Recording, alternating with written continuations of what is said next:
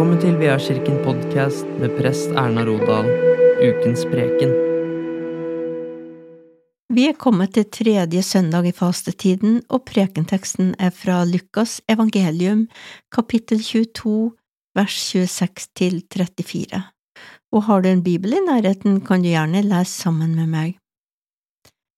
Men det er dere som har blitt hos meg i prøvelsene mine, og nå overdrar jeg riket til dere, slik som min far har overdratt det til meg, for at dere skal spise og drikke ved mitt bord i mitt rike og sitte på tronen som dommere over Israels tolv stammer.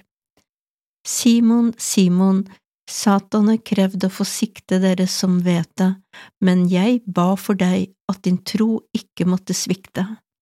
Og når du en gang vender om, da styrk dine brødre. Peter sa, Herre, med deg er jeg beredt til å gå både i fengsel og i død. Men Jesus svarte, Jeg sier deg, Peter, før hanen galer i natt, skal du tre ganger ha nektet at du kjenner meg. Slik lyder det hellige evangelium. Tredje søndag i fastetiden er fastetiden sin kampsøndag kampen mellom lys og mørke, kampen mellom det onde og gode. Men evangelieteksten i dag fra Lukas 22 har også et fokus på troens kamp. Jesus hadde gått sammen med sine disipler i tre år.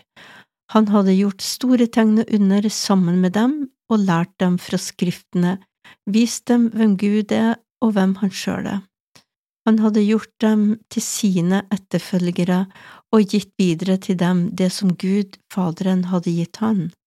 Som en mester lærte sine elever, hadde han lært dem.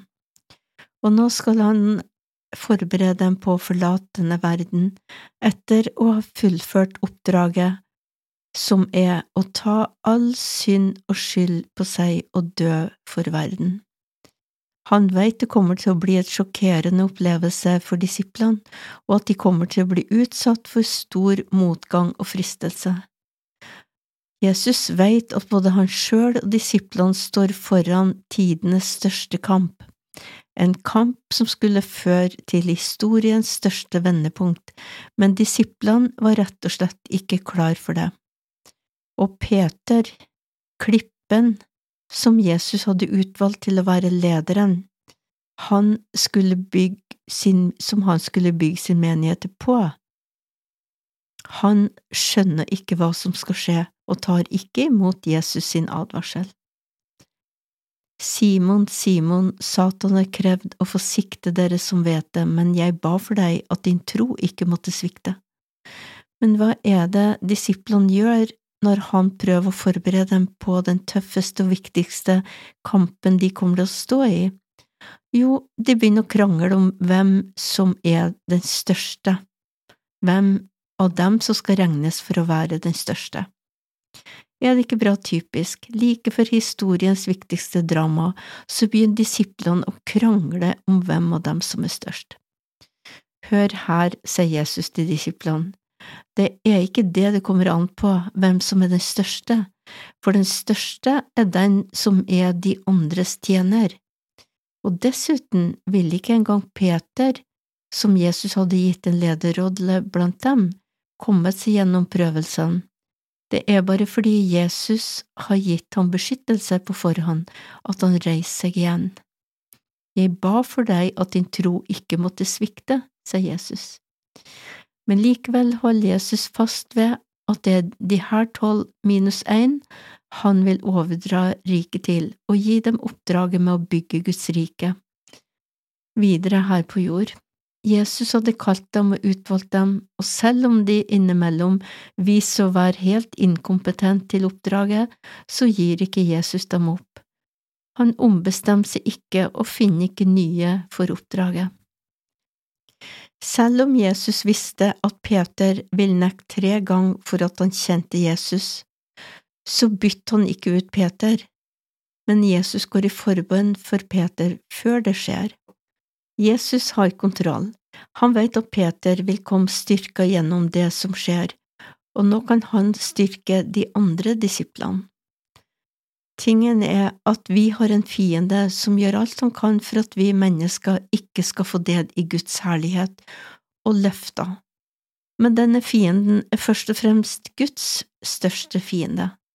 Han var en gang en erkeengel i Guds rike, men så ville han opphøye seg sjøl til å være Gud, derfor måtte Gud ta fra han all herlighet og kaste han ut av sitt rike.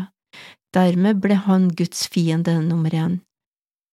Og for å hevne seg på Gud forførte han mennesket som Gud hadde skapt i kjærlighet og skapt i sitt bilde. Og det dreiv han på med da Jesus gikk her på jorda også.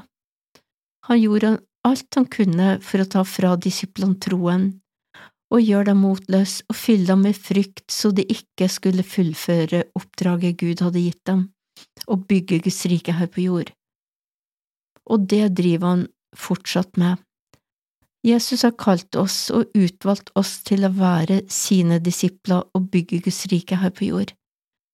Men på samme måte som fienden prøvde å stoppe Peter, så prøv han å stoppe oss med motløshet, løgne, forførelse, fristelse av mange slag, for at vi skal bli satt ut av spill.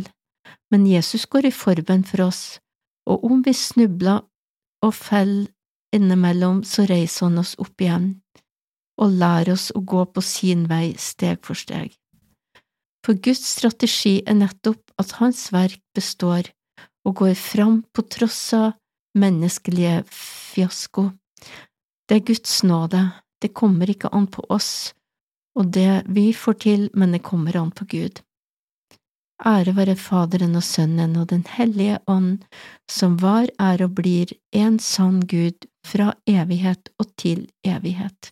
Amen. Takk for at du lytta til VR-kirken podkast. Ta imot velsignelsen. Herren velsigne deg og bevare deg.